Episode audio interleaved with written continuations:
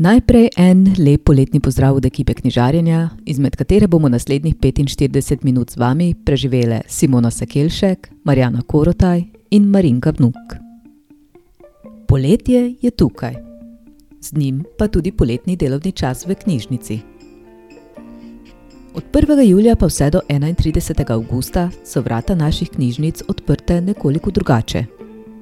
V Ormužu nas lahko obiščete med 8 in 16 uro, ob četrtki vse do 19. ure. Ob sobota je knjižnica zaprta. V središču Dravi bo knjižnica delovala v ponedeljkih od 8 do 11. ure ter ob sredah med 15 in 18. uro. V knjižnico pri Svetem Tomažu boste po poletno branje hodili v ponedeljkih od 15 do 18 ure ter ob sredah med 8 in 11 uro. In pa v Ivankovci bo knjižnica za vas odprta ob torki med 15 in 18 uro in pa ob petki med 8 in 11 uro. Preden se pa posvetimo prihajajočim knjižničnim dogodkom, ki bodo, kot je to že v knjižarjenju običaj, predstavljali uvodni del oddaje, Najprej morda k premisleku, zakaj pravzaprav knjižnice pripravljamo knjižnične prireditve in različne dejavnosti. Zagotovo se je kdo izmed vas vprašal, kaj pa sploh knjižnici treba prireditev. Teh je po občinah in posameznih krajih, še posebno v mestnem okolju, več kot dovolj. Pa tudi če jih nismo dan danes toliko mobilni, da lahko v uri ali dveh pridemo skoraj da v katero koli večje slovensko mesto in se prireditev udeležimo tam knjižnice izposojamo knjige. Ali ni to edino, čemu smo pravzaprav namenjene? Na srečo še zdaleč ni tako. Knjižnice kot javni zavodi svojo dejavnost izvajamo po zakonih in uredbah, o katerih tisti, ki niso zaposleni v knjižničarski dejavnosti, običajno vedo zelo malo. Ena takih je uredba o osnovnih storitvah knjižnic, ki dostop do dejavnosti in prireditev določa kot eno izmed osnovnih storitev knjižnice. Knjižnica organizira prireditve, s katerimi promovira svoje knjižnične zbirke in svoje storitve. Uporabnikom omogoča prost vstop na te prireditve. Z nekaterimi se osredotočamo le na eno področje svoje dejavnosti, kot je naprimer seznanjanje z novostmi v knjižnici, predvsem o gradivu. Takšni so recimo literarni večeri. Z drugimi združujemo različne področja, različne elemente, veliko krat tudi različne organizatorje. Pohodništvo oziroma pohodi, s katerimi smo pričeli v lanskem letu, nadaljevali pa ponovno v letošnjem juniju, verjetno marsikomu izmed vas ne zvenijo ravno kot osnovna dejavnost knjižnic. A če bolje premislimo, na ta način se promovira domače avtore in njihova dela, s čimer nastavimo domoznansko komponento knjižnične dejavnosti, s tem se seveda promovira tudi bralna kultura, ozaveščamo pomenu ohranjanja kulturne in naravne dediščine, razvijajo se partnerstva v lokalni skupnosti. V okviru zelene oziroma trajnostne knjižnice pa poudarimo pomen gibanja, še zlasti na svežem zraku, druženja za naše duševno zdravje, obenem pa spoznavamo domačo neokrnjeno naravo v vsej njeni lepoti. In le kdo bi se po nekaj urnem pohodu po naravnih lepotah Prlekije lahko odločil, da na gozdove in travnike, ki jih je pravkar prehodil, vlije nekaj ton asfalta ali betona, ali pa na nje odvrgel nekaj vrečk smeti. 11. junija smo v okviru praznovanja občinskega praznika občine Ormož sodelovali s planinskim društvom Max Meško Ormož in se odpravili na pohod po poteh kulturnih voditeljev, od domačije Božidarja Flegariča pa vse do koga. Za sopotnika smo izbrali Tončeka Luskoviča, ki na svojim izjemnim poznavanjem zgodovine krajev, še posebno seveda koga, pa tudi ljudi in življenja tukaj nasploh, lahko iskreno priznamo, vedno znova navdušuje. Pred spominskim obeležjem na Flegaričevi domačiji je pa spregovoril tudi Flegaričev pravnuk Janko Klajnčar. Flegarič bi rekel tako, ne? Flegarič bi rekel tako, ja. Ko kozarec poln in spraznim, ki je zgolj trpljenja v njem, morda svetom se sprijaznim, a gotovo še ne vem. A ko bom svetu rekel srečno in zapustil ga za večno, pokopljajo v goricah ne med teh, se nikamor nočem jaz oditi. Tu, med vami, utrujeno telo si hoče odpočiti. To pa je zato, ker je on pač, gleda stolček, povedal bi je profesor, te pa pač stan ostro brez vsega, brez službe, zaradi pijače. Te pa je tudi groto večni popotnik slovenskih goric, zato je tudi to ta pot, ker je hodil dosta v obrež, kvalče, dukša pa kraljča pot, pa tudi prek pa je hodil dosta po rekare na hum, ki je bil tam ravnatelj Tukaj za toček vam razložim.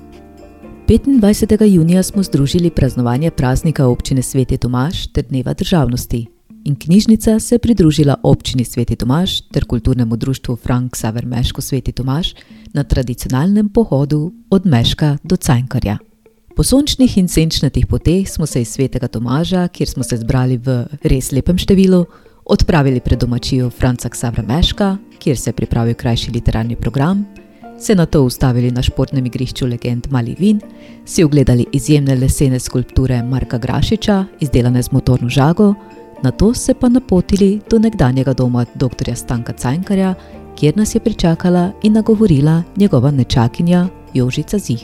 Kaj naj rečem, glede na to, da ste zdaj že kar nekaj kilometrov prehodili, da je to včasih bilo nekaj normalnega v tistih časih, ko so ti možje živeli in so krepke korake morali narediti vsak dan do, do šole, do služb in eh, tako naprej. Je to neka malenkost, ampak vseeno pohvalo vam za to vročino, da ste preživeli. Jaz pa zdaj kaj dosta ne bi govorila, ker vedno se eno in isto ponavlja. Še vedno je tako, da se je rodil moj stric leta 1900, da je tukaj odraščal v tej majhni hišici z svojimi bratji in sestrami na tej mali kmetiji, kjer jih je bilo 11 in se z neko muko prikopal kar se tiče materialnih in finančnih stvari, potem tudi do svoje izobrazbe, to je do duhovništva, ki ga je nadgradil z doktoratom v Parizu in potem mislim, da je imel kar neko zadovoljstvo v tem svojem delu, kajti dolga leta je bil dekan teološke fakultete, urednik Mohorjeve družbe, potem najrazličnejših revij, eh, eh, soustanovitelj in tudi potem kot urednik. Veliko je pisal, približati se je hotel navadnemu, preprostemu kmečkemu človeku po eni strani, po drugi strani pa so tudi njegova eh, globoka eh, teološke razprave, pri katerih je kar nekaj predznanja treba imeti oziroma se treba kar poglobiti, če ga hočeš pravilno spoznavati. Njegove preproste dela pa so primerna tudi za vsakega navadnega človeka, s tem, da vsa čast in slava, včasih, ko sem bila mlajša, se mi je zdelo, kako dolgo veze in dolgo opisuje, kar bi lahko človek spravil na dva, tri stavke, je on vedel napisati v desetih, petnajstih straneh. Sedaj pa, ko sem starejša, pa ga vedno bolj občudujem, eh, da je bil mojster eh, besede in mojster kovanja, eh, zdaj se reče povede, včasih se je reklo stavkov in vsa čast mu, da je bil takšen, kot je bil in da se je toliko boril tudi po vojne, da je ostala crkva v takšnem odnosu z državo, kot je bila. Kajti do svojega 74. leta je bil eh, vedno predstavnik crkve za odnose z državo in eh, kakorkoli mu eh, crkvena plat ne daje pravzaprav nobenega poudarka oziroma ga prav, eh, bi rekla, da zapostavljajo, zlasti zaradi tega, ker je pač bil toliko ne levičarstvo, kot pa, jaz bi rekla, bolje bil socialist, eh, usmerjene Eh, da je veliko naredil in da, tako je enkrat rekel urednik ognišča, da mu Bog soda v nebesih, ampak jaz mislim, da mu soda v pozitivnem eh, in ne v negativnem. Ne? Tako da, še enkrat pa vedno sem vesela, ko se pripravljam sem, da se je hišica uredila, eh, da, da se vidi, da ima med domačimi res neko mesto. Zanimivim zgodbam s popotovanjem po svetu zelo radi prisluhnemo. Eno takšnih je 9. junija v knjižnici v Ormužu predstavil tudi Patrik Bratuša, ki je obiskal Namibijo. Se druži s svetovnim popotnikom Zvonetom Šerugo, se prepustil adrenalinskim postolovščinam, občudoval puščavske sipine, doživel bližnja srečanja sloni, levi, pa tudi kakšnim škorpionom, od blizu pa spoznal še pleme Himba, o katerem je z nami delil nekaj zanimivosti. Uh, drugače, uh, ženska njihova naloga je, da skrbijo za otroke, za živali, eh, tudi gradijo te hiše, moški pa so večinoma od doma, eh, ker eh, zaradi lova in pa tudi takrat, ko je sušno obdobje, ni polno zelenja in rabi pač poiskati, kam naj peljejo svojo živino na pašo. Tako da so večinoma nomadi se selijo. Je pa ena zanimivost, da zdaj, če se prav spomnim, do 8 ure, če ne moški ne pride domov, da sme priti domov, pač ostane nekje drugje, v, v drugi vasi, ženska pa tudi nima pravice, da ga vpraša, kje je bil. Pa tudi obratno je, tudi on nje ne sme vprašati, kako se imela ali pa. Pač, to imajo tako dogovorjeno, dogovorjeno, ja, to je bilo bolj zanimivo. Ja. Če niste prišli do 8 ure, pardon, eh, do sončnega zahoda, mora priti domov, če ni, lahko pride še ob sončnem vzhodu. Tak je bolj. Z živo knjižnico in živimi knjigami smo v mesecu juniju obeležili slovenske dneve knjige in podirali predsotke o priseljencih. Na nedeljski dopoldan so se nam pridružile Senada Škrijer iz Makedonije, Tanja Štamul iz Rusije in Ana Klimenko iz Ukrajine, s katerimi so lahko obiskovalci poklepetali ena na ena in jim zastavili lastne vprašanja. Prav pa je prišla tudi miza za namizni tenis na knjižnični letni terasi, kjer smo se preizkusili, kako nam kaj gre od rok odbijanje belih žogic. Za prvo polovico leta smo zaključili tudi s pravličnimi uricami, v katerih smo v letošnjem letu res uživali v druženju z najmlajšimi, kot tudi njihovimi starši. Zaključno smo v Ormužu pripravili 16. junija, ko sta se nam pridružili dve mladi knjižničarki, seveda pod narekovaji, učenki osnovne šole Podlehnik, Manca in Zala Pulko. Od pravljic so se pa do jeseni poslovile tudi pravličarke v vseh krajevnih knjižnicah, Svetem Tomažu, v Središču Dravi in Ivankovci. Znova pa bodo z vami konec septembra oziroma začetku oktobra, predtem pa vas bodo v zadnjih dveh tednih avgusta ponovno razveseljevale z raznimi aktivnostmi v projektu Deca v Kup na knjižni kup. Junija so se od osnovnošolskih klopi poslovili devetošolci. Zlate bralce, torej vse tiste, ki so bralno značko upravili vseh devet let, smo po nekaj letih premora ponovno povabili na zaključno prireditev v knjižnici, kjer jim je Denis Žuran skušal predati nekaj svoje ustvarjalske žilice, tokrat ne iz reperskih voda, pač pa pesniških. Seveda se pa ne sme pozabiti niti na gostovanje Tonata Vogrinca in Marka Radmiloviča, ki sta Ormož obiskala 2. junija. Tako Tonetu, kot tudi drugim našim gostom v preteklih mesecih, boste lahko vsi tisti, ki vam je za obisk prireditev morda zmanjkalo časa, prisluhnili in si jih ogledali v oddaji Knjižarjenje na KTV Ormož.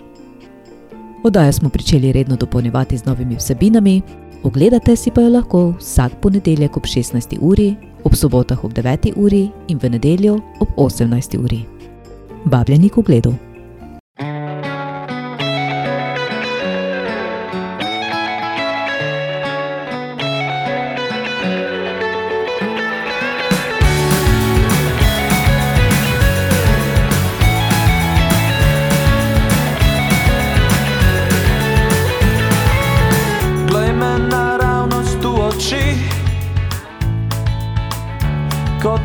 Lažem po pravici Da nisi tista, ki v meni prebudi. Vse tiste umazane misli. V svojem ritmu pliševa. Venera z Marsom se igra Paziva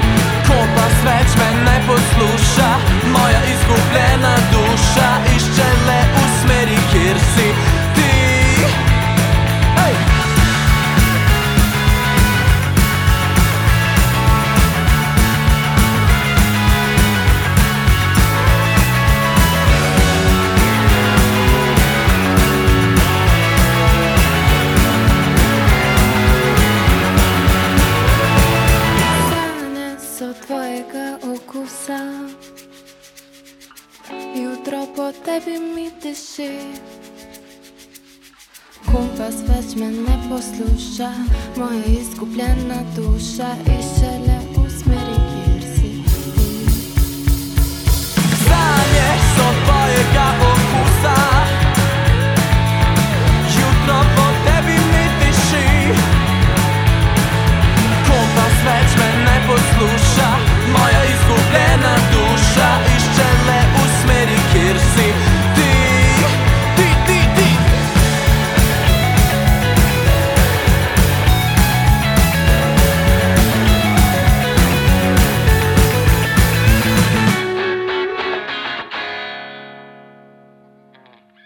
Julij in avgust sta v knjižnici meseca, ko še posebej zaživi Ormoška zelena knjižnica.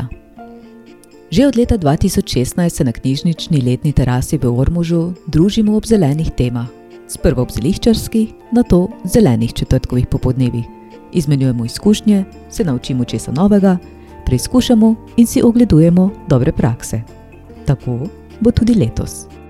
Julijske zelene četrtkove popoldneve bomo pričeli z Brigito Šušteršič, ki se bo lotila teme vzgoja sadik za jesen in zimo. Brigita je avtorica treh knjig: Kuhajmo domače, stojnen recept za vrta in njive, Vzgoja lastni sadik in Vrtnarski dnevnik 2018 za nasveti z Brigitinega vrta. Obenem je pa tudi ustanoviteljica prve Zero Waste vrtnarije v Sloveniji. Tudi jeseni in pozimi radi na mizo postavimo svežo zelenjavo z lastnega vrta. Kako že poleti vzgojiti domače sadike, kaj vse lahko sejemo, ter kakšno nego potrebujejo sadike v poletni pripeki, bomo spregovorili 7. julija, na koncu pa tokrat še sami kaj posejali. Teden zatem se nam bo pridružil Boštjan Rančigaj iz studia Zaživi in nam predstavil bistvo čuječnosti. In dal občutku, ko nekaj, s čimer smo v stiku vsak dan, dojamemo povsem drugače in se zaradi tega vse spremeni, ime. Kako dojemati izzive, s katerimi se dnevno soočamo v drugačni luči, je tema, ki je v današnjih časih, ko so naša življenja prevzela naglica in delo, zelo aktualna. Več o njej 14. julija v knjižnici v Ormužu. 21. julija bo pa z nami Valerija Rotar, dietetičarka in prehranska svetovalka Centra za krepitev zdravja, ki nas bo soočila, seveda na kar se da prijeten način, s pastmi in izzivi sodobne prehrane. Sestava zdravih jedilnikov je že tako sama po sebi pravi izziv. Ko pa v naše izbire posežejo še socialna omrežja in oglaševanje, postane naša naloga še toliko težja. Prehrana je obenem eden ključnih dejavnikov velikega porasta avtoimunskih kroničnih bolezni v sodobnem času. Od različnih manjših ali hujših alergij do takšnih, kot sta naprimer kronova bolezen in ulcerozni kolitis. Zelene četrtkove popoldneve v mesecu juliju bo zaključil Isto Kluskovič iz zavoda 100-odstotno naravno botanik Ormož. Na kakšen način se pripravi ustrezna spiralna greda, katere materijale boste potrebovali, predvsem pa katera zališča in kako jih zasaditi na gredo te vrste, ki ni le uporabna, pač pa polepša prav vsak vrt, vam bo pokazal 28. julija. Ob četrtkih vas ob 17. uri torej pričakujemo v zeleni knjižnici, ob lepem vremenu zagotovo na knjižničnem vrtu. Naj bodo trajnostne teme in dobra družba dovolj dober razlog za pot v eno najboljših zelenih knjižnic na svetu. Sedaj pa na zadnji lek predahu z nekaj slovenske glasbe z knjižničnih polic. Od vas se poslavlja Marinka Vnuk, mikrofon pa boste prevzeli kolegici Simona Sakelšek, ki vas bo popeljala v svet mladinske in literature za otroke, ter izpostavila še kakšen poletni projekt za otroke. Marijana Korotaj pa za vas našla obilico dobrega branja med knjižnimi novostmi, še posebej za vse tiste, ki se boste na dopust podali s knjigo v roki. Prijeten popoldan še naprej in lep pozdrav do prihodnjič. Nad mano razprostira zlato se nebo, sonce mi razgreva omamljeno telo. Porajajo se misli, silijo me v greh, izvabljajo iz mene spontan in sladek smeh. In ko dvigam se nad oblake, hočem le to. In ko dotaknem se zvezde vsake, hočem le to. Da zdaj pričaraš mi tiste pravljice, kjer bi mi dva celo noč ljubila se. Vzemi me, jo se predam, hočem da odpiraš mene znano kam. Nosijo vetrovi vse odgovore na moja vprašanja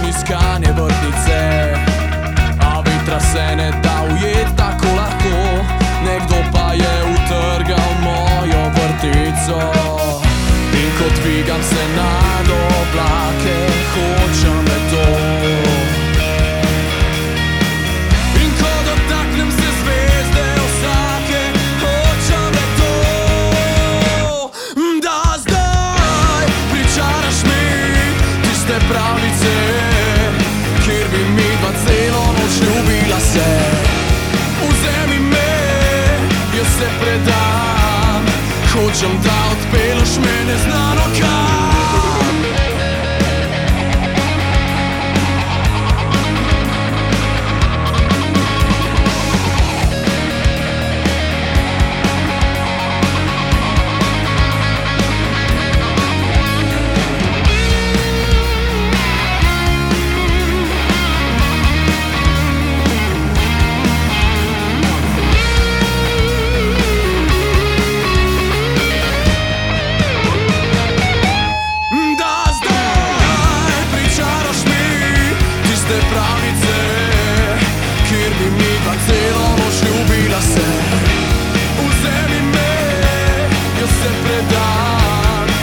hočem da odpelaš me neznano kam. Neznano kam.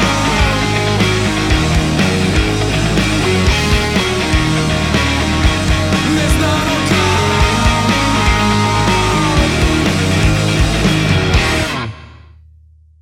Lepo pozdravljeni nazaj v oddaji Knjižarjenje. Z vami sem Simona Sakelšek. Dragi mladi poslušalci, drage mlade poslušalke, že veste, s katero knjigo ali revijo si boste krajšali poletne popoldneve? Za vas sem pripravila nekaj poletnih predlogov in novosti, ki jih najdete na našem otroškem in mladinskem oddelku knjižnice. Naj izpostavim še dve nagradi za otroško in mladinsko književnost. Desetnica je nagrada za otroško in mladinsko književnost, ki jo Društvo slovenskih pisateljev podeljuje za uveljavljanje izvirnega otroškega in mladinskega leposlovja za obdobje zadnjih treh let. Nagrada je letos romala v roke avtorice Mateje Gomboc za socialno-psihološki mladinski roman Balada o drevesu, ki je izšel pri založbi Miš. Glavno junakinjo, gimnazijko Ado, nekega torka doleti tragedija. Njen fant, Mike, stori samomor. Društvo slovenskih književnih prevajalcev je letos prvič podelilo nagrado Vasje Cerarja za najkakovostnejše prevode mladinskih leposlovnih besedil iz tujih jezikov v slovenščino. Letošnja nagrada Vasje Cerarja se osredotoča na posebej izstopajoče prevode v kategoriji slikanic, namenjenih najmlajšim bralcem. Milan Dekleva je tako postal prvi prejemnik omenjene nagrade za prevoda slikanic Leo v srcu in Veveriči prepir, ki sta išli pri založbi Morfem Plus. Med nominiranci so bili še Igor Seksida in Barbara Pregel za 12 pesmi Federica Garcia Lorke in Aleksandra Kocmut za delo Divja simfonija avtorja Dena Browna. Pa preidimo k poletnim bralnim predlogom. Prvenec, Davorka Štefanec z naslovom Strašilka, je bil leta 2020 nominiran za nagrado Modra ptica. Z nemerljivo fantazijsko ljubezensko zgodbo v dveh delih je avtorica postavila na Tolminsko, občarobno in skrivnostno reko Sočo. V branje priporočam knjigo angleškega pisatelja Davida Williamsa z naslovom Mihec milijarder. Saj se še verjetno spomnite avtorjevih knjig Babice, barabice, ledene pošasti in drugih. Mihec milijarder pa je najbogatejši 12-letnik na svetu. Ima svojo dirkalno stezo in dirkalni avto, 500 parov športnih copatov, svoj park za skejtanje, vodni tobogan, vse računalniške igrice na svetu in še in še. Ja, ima na tanko vse, kar se da kupiti z denarjem, ampak potrebuje le eno: prijatelja. Poučna knjiga kraljice predstavlja 3000 let zgodovine ponosnih vladaric, od Kleopatre do Budike, od jamajske kraljice Neni do Elizabete II. Spoznajte torej njihov način vladanja, lepoto, krone in drugo. Zakaj si želi biti Tjaša nevidna? Je Viktorija res boljša od drugih? Je Urbanova strast še vedno nogomet? Koga se zaljubi Anej? Kakšne skrbi ima Erika? Koga ne mara in kdo ji je všeč? Vse to in še več izveste v mladinskem romanu Viharov meni, mlade slovenske pisateljice Nejke Omahen Šikonja, primernem za bralce tretjega triletja, v katerem se prepletajo različni problemi devetošolcev s problemi njihovih staršev in učiteljev. Za vse ljubitelje stripov sta išli knjigi Obelix in Družabniki ter Poglavarjeva hči. Slikanica Urše Krempel, Srečen dan in druge zgodbe v sličicah prinaša 11 novih, lahkotnih, hudomušnih in sporočilnih zgodb, slikopisov. Spoznali boste opravljivi vrani, zajca, ki ima rad deževne dni, volka, ki se uči smučati, in še in še. Išla je tudi poučna slikanica Barve praznujejo rojstni dan.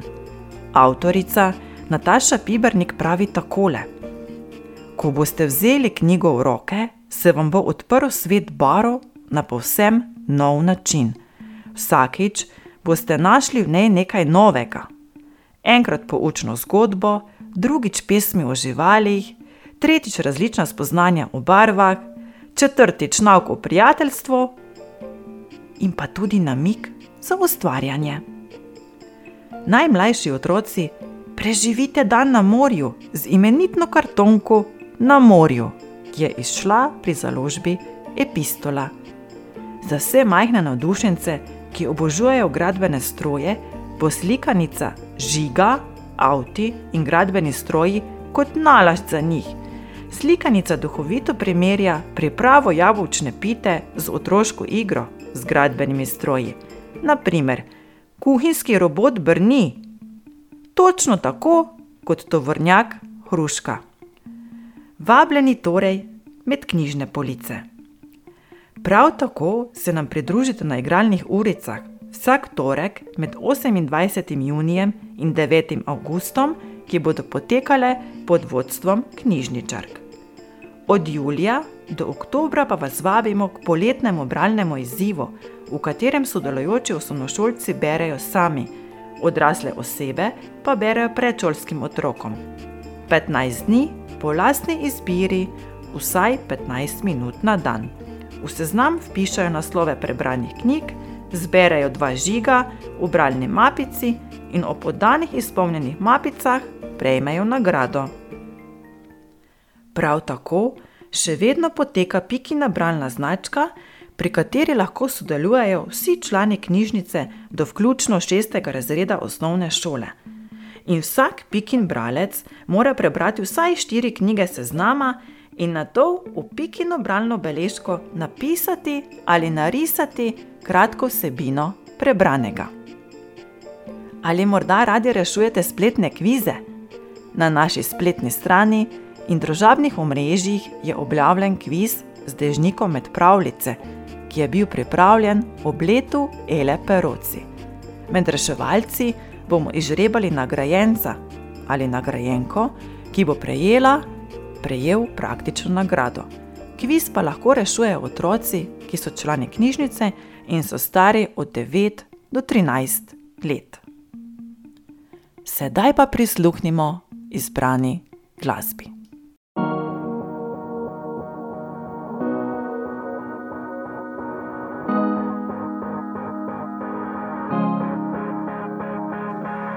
Njene besede so barve oceana, njene roke tople so kot čaj, njene sanje so preglasne, prevelike za ta mali kraj. Neki leži na duši, kdo jim meče pesek v oči, rada bi le dokazala, da se ničesar ne boji. Dovolj ima ljubezni na obroke sreče na kredit. Tobaka, ki norosti več ne more umiriti. Kdo zdaj poje tiste pesmi, ki včasih pela jih?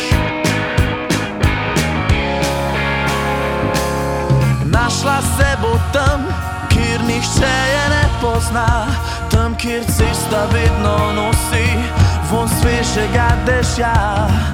Našla se bo tam, kjer se Maurica konča, kjer so biseri v školkah, ne pa na ogrlicah. Dovolj ima ljubezni na obroke in sreče na kredit. Tobaka, ki norosti več ne more umiriti. Kdo zdaj poje tiste pesmi, ki včasih pela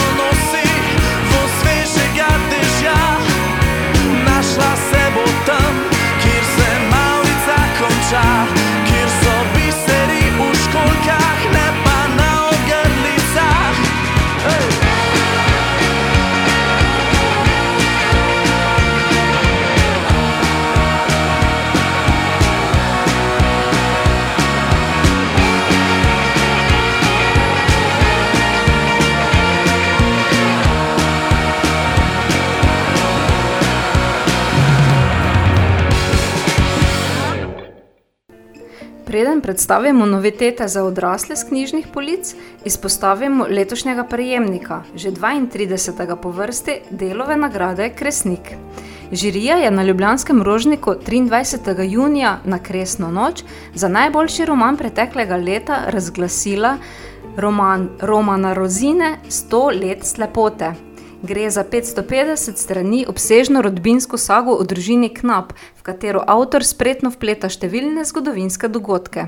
Liki so postavljeni na ozadje rudarskih revirjev v izmišljeno vasico Podgorje v Zasavju, kjer se zemlja neizprosno udira ter govta vase rodovitno prst, domove in prihodnost tamkajšnjih kmečkih ljudi. Osrednji junak, slepi Matija, se rodi ravno v času, ko se začne družinska hiša zaradi rudniških izkopavanj pogrezati in je v zraku grožnja apokaliptičnega konca.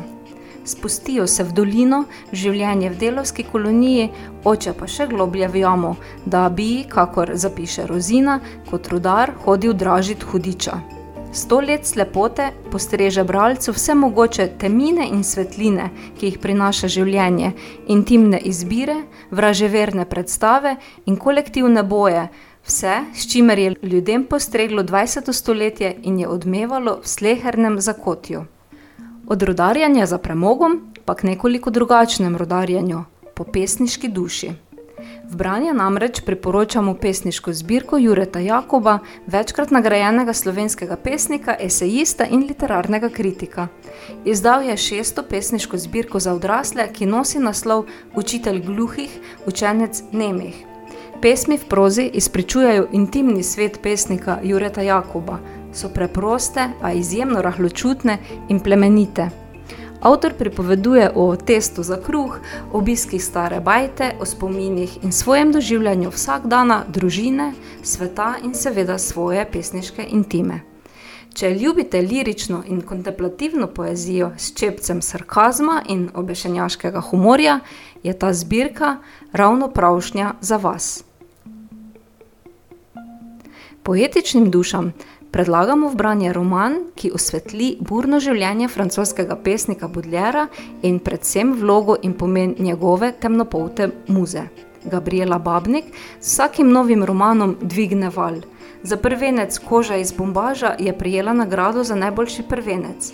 Drugi roman, Visoki travi, je bil nominiran za nagrado Kresnik. Tretji roman, Sušna doba, je prijel Evropsko literarno nagrado in je preveden v 15 jezikov.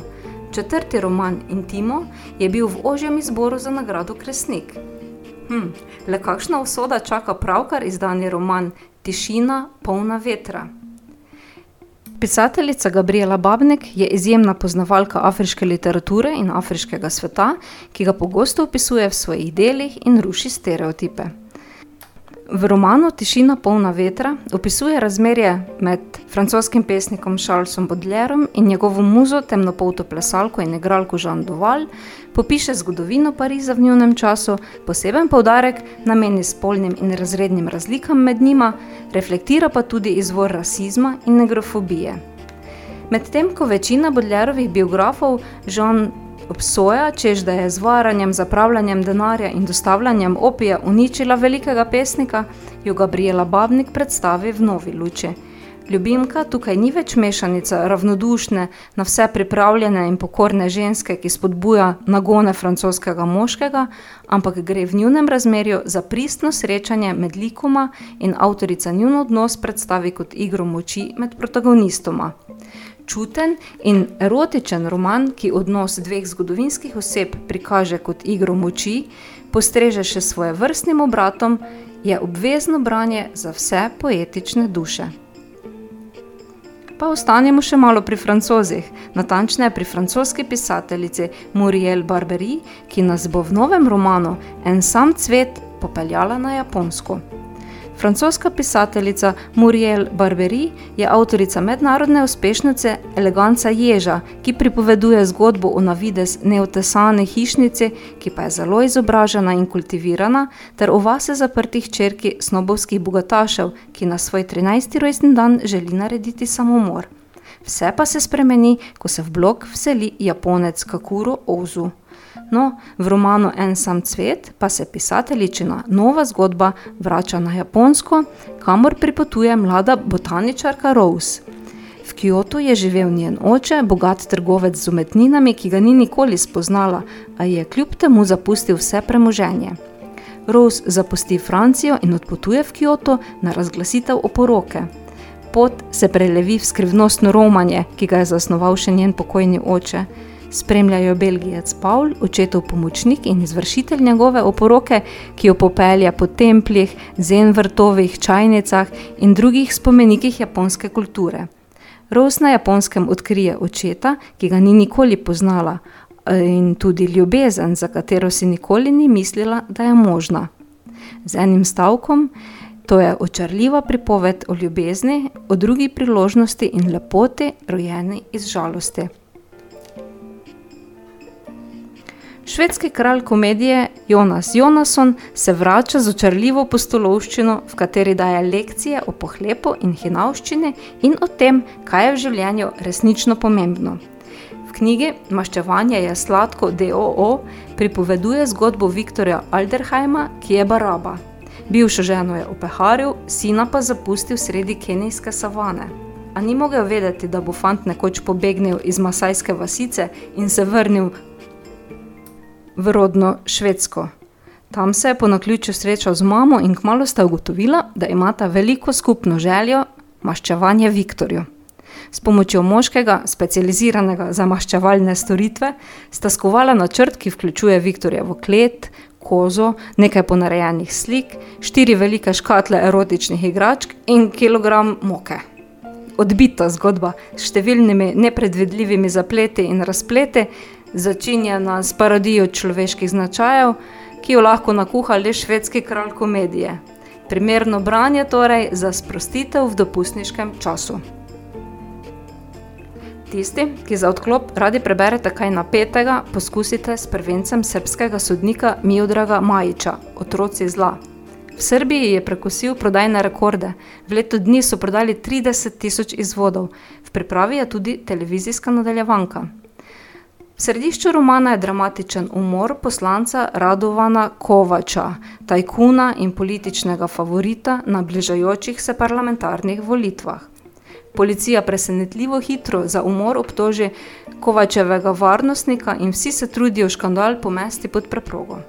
Odvetnik Nikola Bobič prevzame vlogo mladeničevega zagovornika, se ne more verjeti, da bi politika ubil predani varnostnik, ki mu je pred kratkim rešil življenje loti se raziskovanja in koščki sestavljanke ga počasi pripeljajo do vojne v 90-ih letih.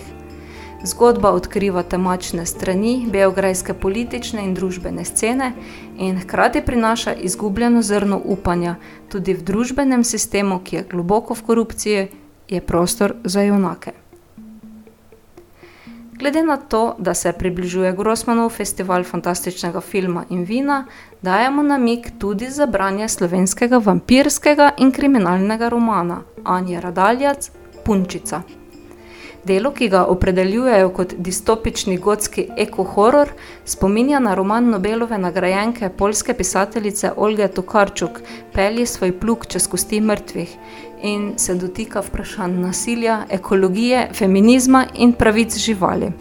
Ko psihiatrinja Lilith nekega dne pred svojim kontejnerjem na robu gozda zagleda paket s srhljivo vsebino, se prične iskanje storilca in nič ni tako preprosto, kot se zdi na prvi pogled. Za konec pa še nekaj poljudno strokovnega za vse kolesarske navdušence nekaj o kolesarjenju, a ne o presežkih Pogačarja in Rogliča, temveč pravo intimno odo kolesarjenju. V knjigi Kolesarski zen argentinski pisatelj in založnik Juan Carlos Kramer deli svoje dolgoletne izkušnje in znanje o meditativni izkušnji, ki jo lahko ponudi kolo. Kolo ni samo sredstvo za prevažanje, rekreacijo ali veselje, ampak je predmet, s katerim lahko izkusimo stanje podobno meditaciji premikanje nog, energije, ki teče skozi telo, dihanje in pozornost na to, kaj se dogaja okoli nas in v našem umu, ustvarijo stanje popolne navzočnosti. Ko boste prebrali to knjigo in ko se boste potem zavihteli na kolo, bo vaša izkušnja kolesarjanja zagotovo drugačna. Prišli smo do konca radijske oddaje Knjižarjenje. Odajo smo v sodelovanju z Radijem Prlek pripravili knjižničarke knjižnice Franca Ksaura Meška Ormož, Marinka Vnuk, Simona Sakelšek in Marijana Korotaj. Uživajte na dopustu, kjerkoli že boste, naj bodo tam tudi knjige z vami in poslušajte nas spet prihodnji mesec.